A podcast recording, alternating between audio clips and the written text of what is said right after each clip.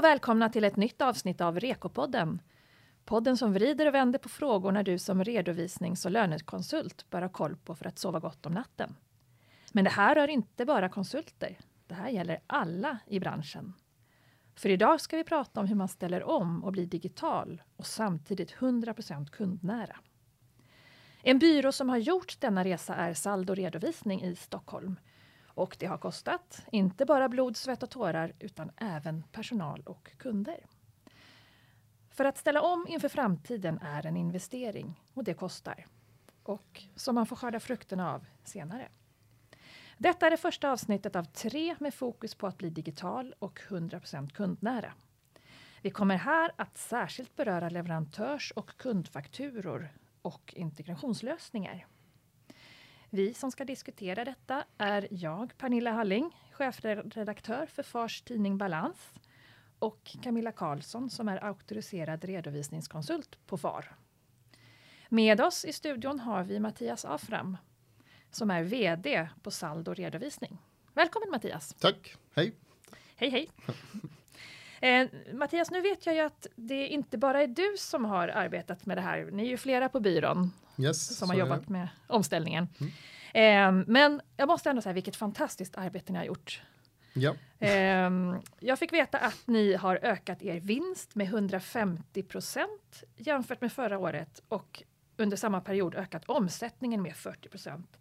Jag, jag, måste fråga, vad finns bakom de här fantastiska siffrorna? Ja, nej, men så är det. Saken, det första man gjorde ju, var ju att um, under omställningen, när vi gjorde hela den digitala resan, uh, så hade vi egentligen varken någon lönsamhet eller någon uh, omsättningen var egentligen densamma under flera år. Uh, men sen när man började göra den här resan um, och kunde egentligen bygga lite luft på alla konsulter och oss som ledare på byrån så um, hade man mer utrymme för att ta in kunder med samma egentligen samma uh, flotta, flotta om man säger så, samma personalstyrka. Uh, och då var det så att man, varje ny kund som man fick in var ju en ren vinst. Uh, så att det man gjorde var ju bara att få in kunder och den summa som man fakturerade egentligen den kunde la sig på sista raden direkt. Så att uh, med samma kund, samma styrka, samma fasta kostnader eh, kunde man ta in fler kunder tack mm. vare att man kunde få in mer kunder eh, och jobbade mycket, mycket mer effektivt. Och samtidigt även kunna ta bättre betalt för det vi gjorde. Det låter ju fantastiskt. Ja, och det... nu hoppas vi kunna inspirera fler att, att göra denna resa. Det finns ju många delar i den här processen och eh, när det gäller leverantörsfakturor, vad innebär egentligen digitalisering och automatisering av Eh, leverantörsfakturor. Ja, nej, men det är också någonting som många egentligen, eh, många egentligen som blandar ihop eh, uttrycken. Digitalisering handlar ju mer om att man digitaliserar dokumenten, att man har dem i datorn i digital form som man lätt kan spåra.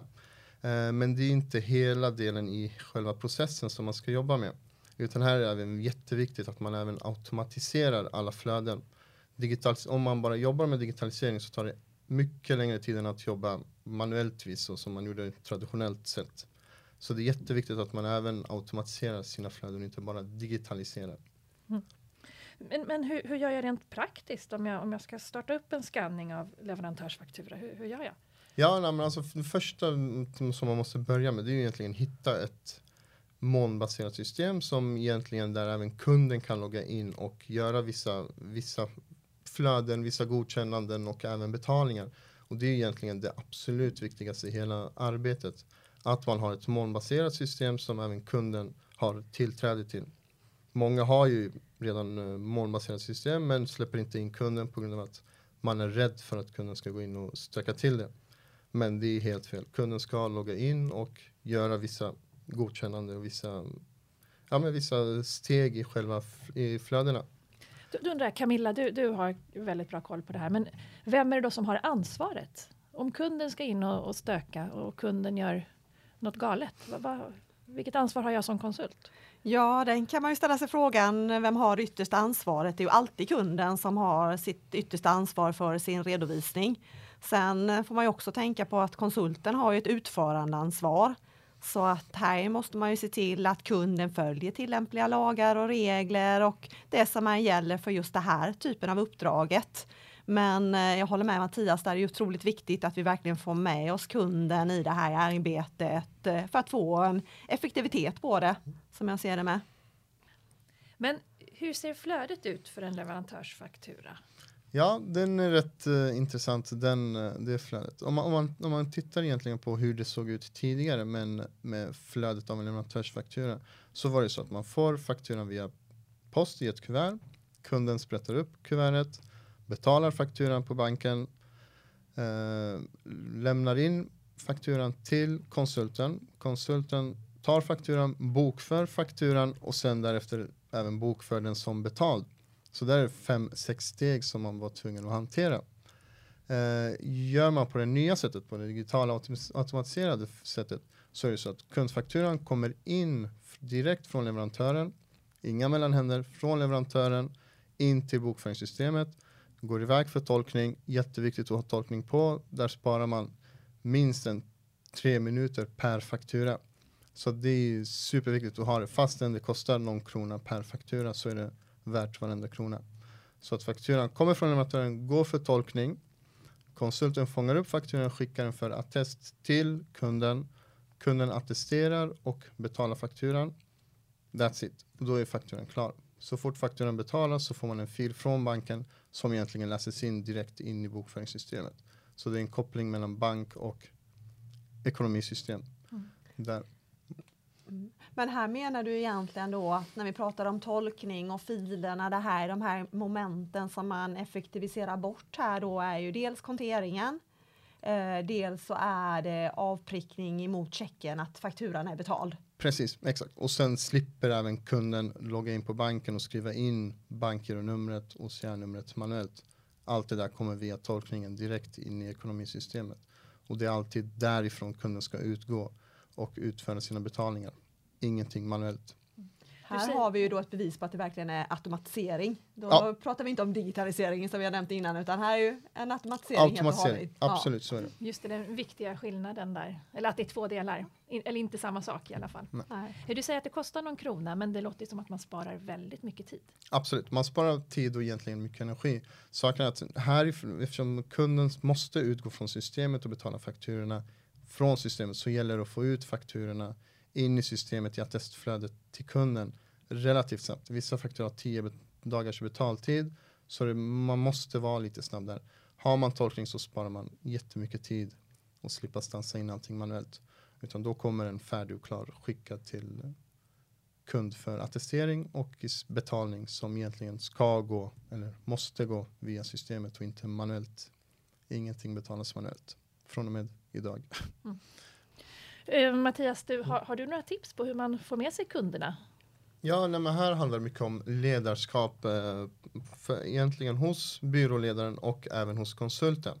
Eh, är det så att man eh, förklarar för kunden nu ska vi göra den här resan och ska digitalisera hela ditt arbete och automatisera men bara berättar för kunden och inte följer upp kunden ja men då har man tappat hela, hela, hela grejen. Kunden kommer göra det första dagen och sen mm. kommer man tappa sen kommer ju bara kunden fortsätta sina gamla rutiner. Så är det viktigt att verkligen, verkligen följa kunden egentligen i, till en början varje dag och följa alla flöden och kolla att kunden verkligen gör det han ska. Mm. För det är rätt enkelt att uh, avvika från sina rutiner och göra på så sätt som man alltid har gjort. Jag har förstått att ni tappade en hel del kunder under mm. processen. Mm. Eh, är det något man får räkna med eller missade ni att få med dem på tåget där? Eller, eller vad? Ja, men har, har man inte tappat några kunder så har man gjort fel. Eh, alla kunder är inte anpassade för det här. Så att man får räkna med att man tappar både kunder och personal. Det är, så är det. Ja, ni, ni tappade en halva personalstyrkan också. Så är det också, absolut. Ja. Det gjorde vi också. Det är också någonting som man får räkna med. Personal och kunder kommer sluta. Sen gäller det att snabbt fylla på uh, med personal och kunder. Ja. uh, men det är någonting som man får räkna med. Och har man inte tappat kunder och personal då har man gjort någonting som inte stämmer. Det kan ju vara jättebra att ta med sig för där tänker jag att man kanske att det känns lite jobbigt, man vill ha med alla på tåget mm. och, och det, det, kanske är något man inte kan lyckas med. Nej, nej men så är det. Ja, mm. Absolut, man kan inte göra alla glada utan det, tyvärr får man räkna med att vissa Eh, man tappar vissa på, på Mm. resan. Och det innebär också att det kostar pengar, Absolut, så är det. pengar och Det tid. kostar pengar och tid och energi och blod och svett. Svett och tårar. och tårar. Ja, klart, Det är ju alltid en utmaning när man ska ställa om också förstår man ju för att verkligen hitta de här rätta modellerna hur man ska jobba och eh, få med sig personalen med. Så jag tror det är rätt så viktigt att man faktiskt förstår att det, det här kan innebära både tapp på kunder och eh, personal. Ja, nej, men, det, ja. ja, men precis så är det. Eh, och, eh, det kommer ta lite tid innan man hittar ett mönster som man jobbar efter.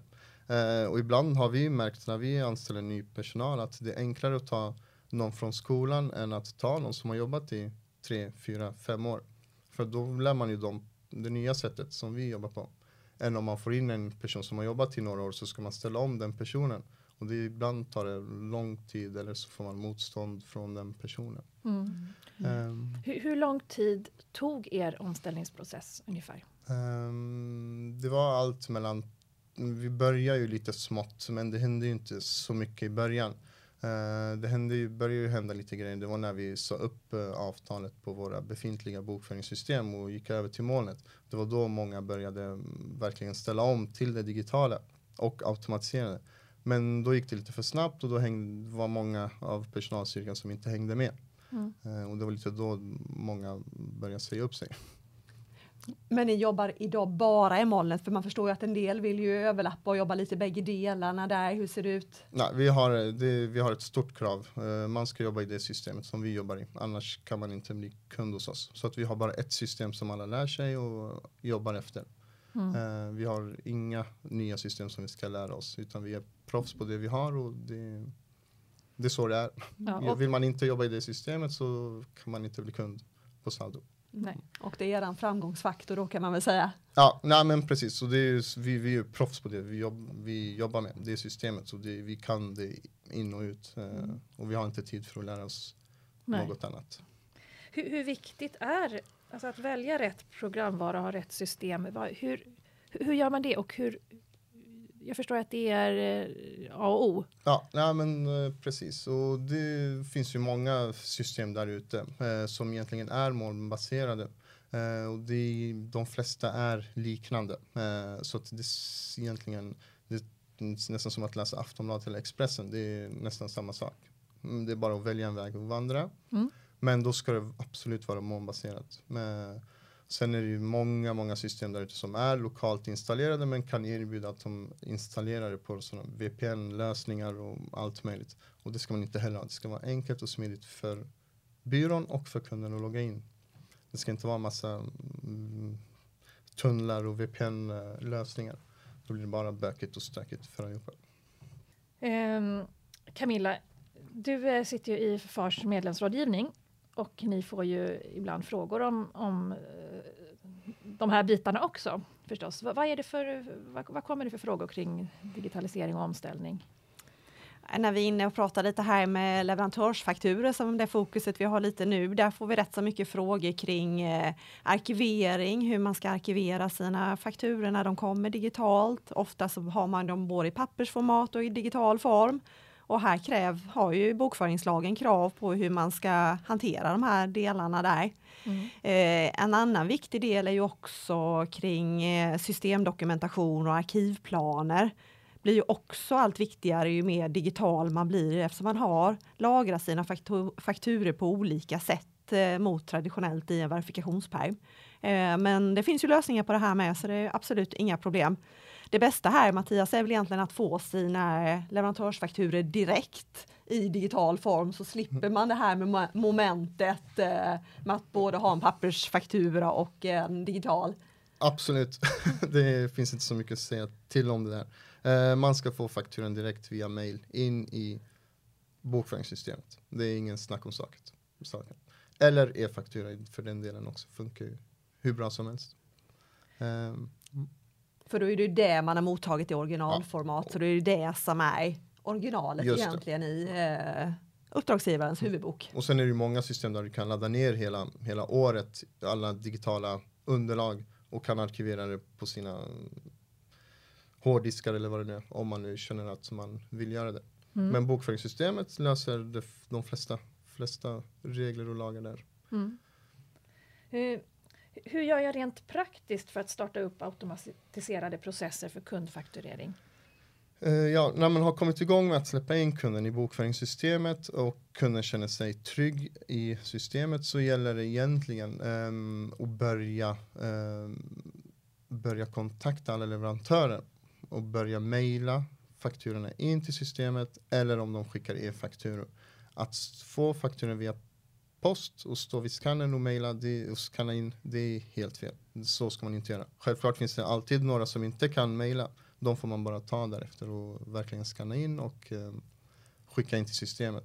Men annars så är det, det är egentligen största arbetet. Kontakta alla leverantörer, mejla in fakturorna till systemet. Så det är lite förarbete här, man måste lägga lite tid på? Mycket förarbete. Det är mm. nästan som att måla en vägg och man har inte gjort ett bra grundarbete, då blir det aldrig bra. Nej. Utan det gäller att verkligen, verkligen, verkligen göra grundarbetet bra. Och nu är det verkligen kontakta varje leverantör. Och det är inte så enkelt. Vissa kanske man behöver kontakta tre, fyra gånger för att de ska förstå att nu vill vi ha fakturorna på mm. mig. Ja. Och hur, hur, många, hur många är det man måste kontakta ungefär? Eller det beror ju säkert på, men, men det är ett stort antal antar jag absolut, som ni kontaktar. Absolut. Ja. Man börjar för det mesta, många börjar med att skicka ut post till alla leverantörer. Ja. Nu ska vill vi att ni mejlar in fakturorna till den här e-postadressen. Men ja, det funkar inte alltid. Så att eh, uh, lyfta luren uh, eh, löser det mesta faktiskt. Och det är lite det vi gör. Tidigare har vi gjort så att vi har lagt den biten på kunden. Men ja, man vet ju hur mycket kunden har att göra så att det funkar inte alltid. Så nu tar vi den biten på oss faktiskt och vi märker att det går mycket, mycket snabbare. Mm. Um, då hjälper ni kunden med hela omställningsprocessen ja. egentligen kan man ja, säga här med då ju. Ja, Nej, men så, släpper man någonting till kunden så kommer det brista just i det, den punkten har vi märkt. Så därför kör vi hela omställningen. Um, och då får man ha någon administration på kontoret kanske som gör de lite enklare uppgifterna för att inte belasta konsulterna för mycket. Mm. Mattias, när det gäller kundfakturering um, så får du hjälpa mig lite här bara. Vilka fördelar kan man se med automatiserade processer för kundfakturering? Ja, men eh, när det gäller kundfakturor så är det faktiskt, eh, här kan man få sjukt stor vinning egentligen på en rätt så lite energi.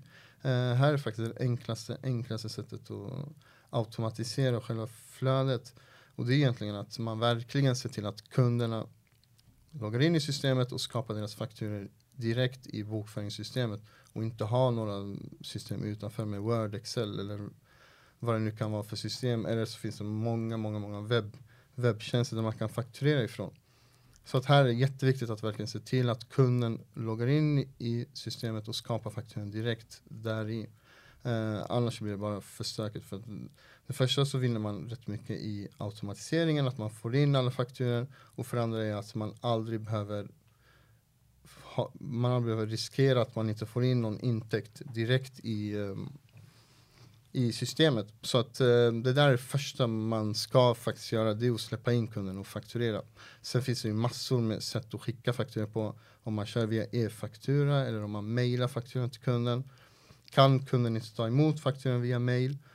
så finns det ju massa med olika um, indrivningstjänster där de, som är kopplade till de här systemen där de kan ta över fakturan, skicka den till kunden, påminna kunden när den inte betalas och även egentligen pricka av fakturan i er kundreskonton så fort den är betald. Eh, känns som att det är en tjänst som kostar jättemycket pengar men det kostar inte mer än ett frimärke egentligen. Så det är också lite sådana grejer som man behöver titta på och verkligen använda dem. De, de är ju guld värda faktiskt. Vi använder dem på de flesta kunderna. Vi använder dem för vår egna räkning.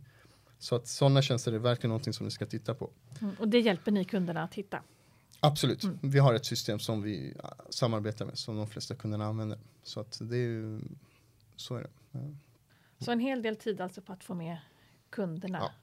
och hjälpa dem att komma på banan? Så är det, absolut. Mycket, mycket leda kunden. Det är, handlar mycket om det. Att uh, mm. få kunden på banan och inte, för det är rätt lätt, jättelätt för kunden att börja med sina gamla rutiner. Så det gäller verkligen att hålla i kunden ja. hårt i handen så det inte springer iväg. Så det är ledarskap både på byrån krävs det ett, ett ledarskap, att man satsar på ledarskapet för att få med sig personalen mm. och men även ledarskap med kunderna. Just det, så, så man ska leda sina konsulter som i sin tur ska leda kunderna. Så det är en liten match, men eh, så fort man har kommit dit så rullar det på faktiskt rätt bra. Eh, så man måste vara tydlig och eh, verkligen förklara för konsulterna vad som gäller.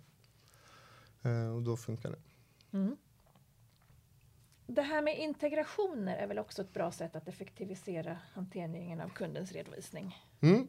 Integration är någonting som är relativt nytt, som inte har funnits jättelänge i bokförings, eh, bokföringsbranschen. Eh, men idag är det jätteutvecklat och finns ju alla former av integrationer till alla omöjliga system ute i världen egentligen. Eh, och det är någonting som man verkligen, verkligen ska titta på. Mm. Eh, det kan vara allt från att koppla in kass, restaurangkassa till bokföringssystemet där man får in försäljningen varje dag. Det kan vara från att ha ett lagerhanteringssystem där man får in lagervärdet till bokföringen varje dag. Så det finns jätte, jättemycket att titta på. Mm.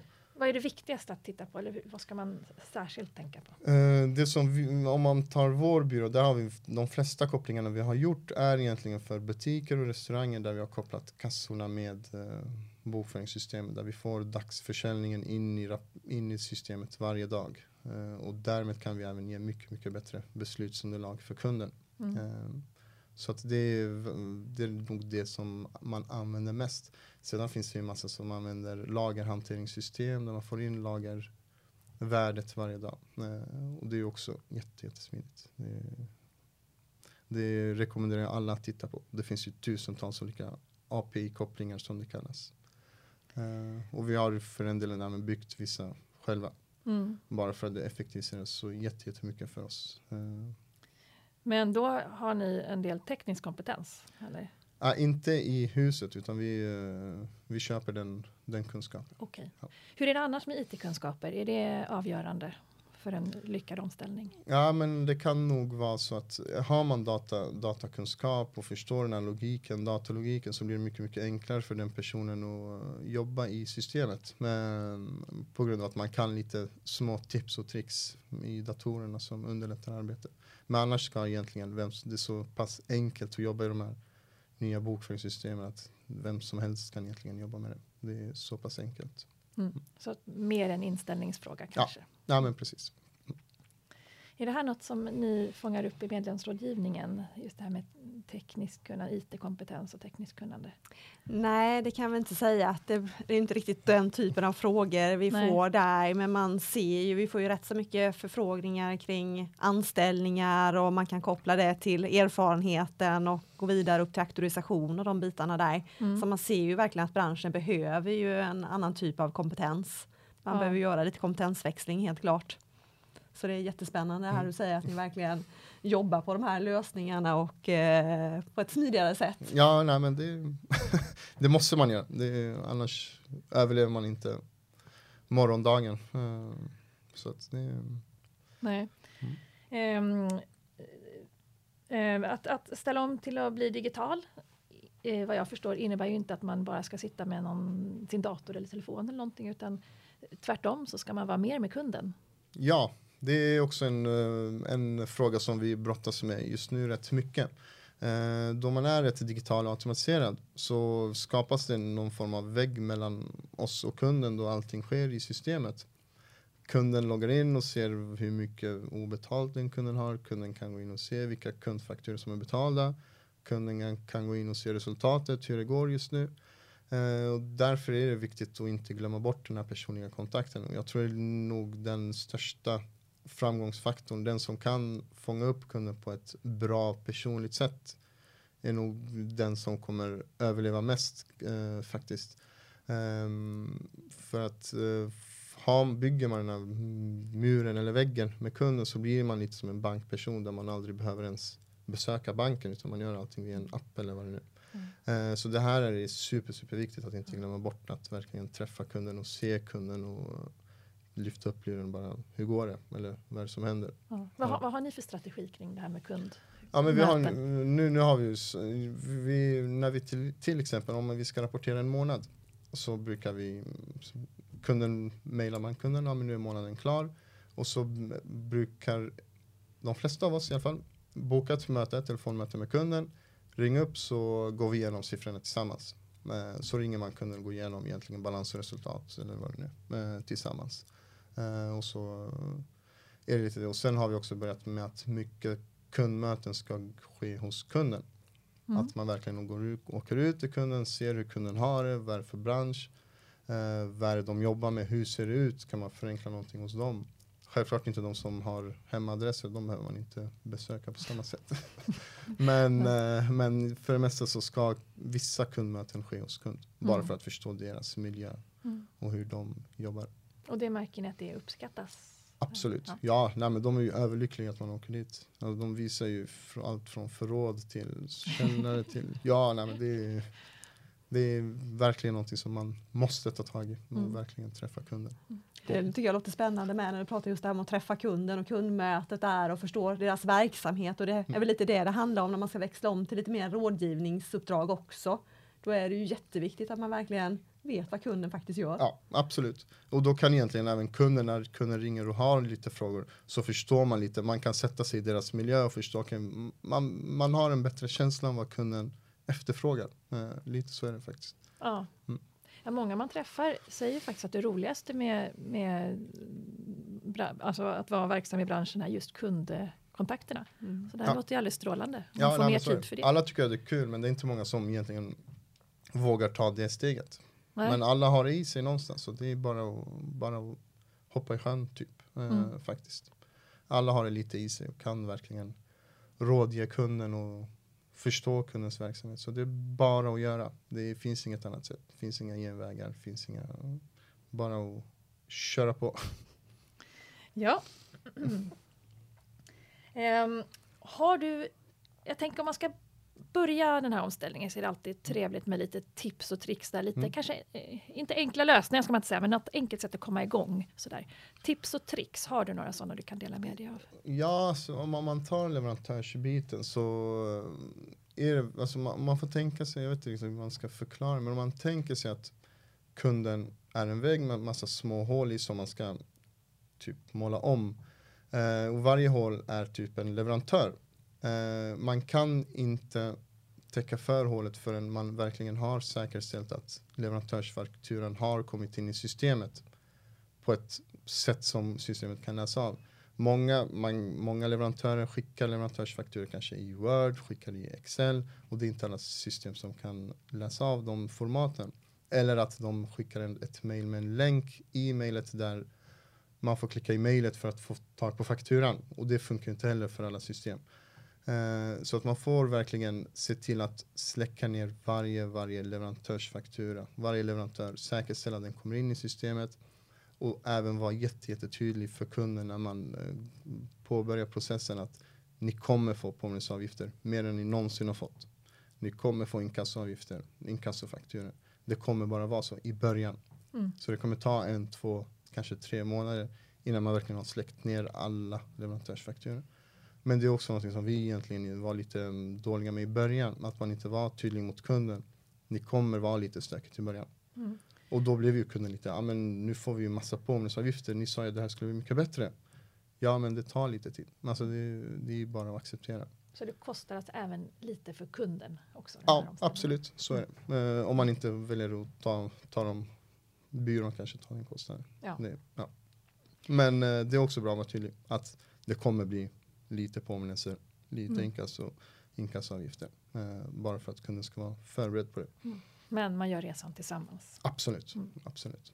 Mm. Camilla, um, jag tänker här um, som konsult så, så hur kan jag vara säker på att mitt uppdrag uppnår hög kvalitet enligt REKO? Hur kommer det in i det här? Det viktiga här tycker jag ju egentligen är eh, rutiner som man har på redovisningsbyrån egentligen. Det är ju det här man säkerställer att eh, man som konsult eh, följer EK och har en bra kvalitet på sitt uppdrag. Det är ju verkligen att man har tydliga riktlinjer och rutiner på byrån.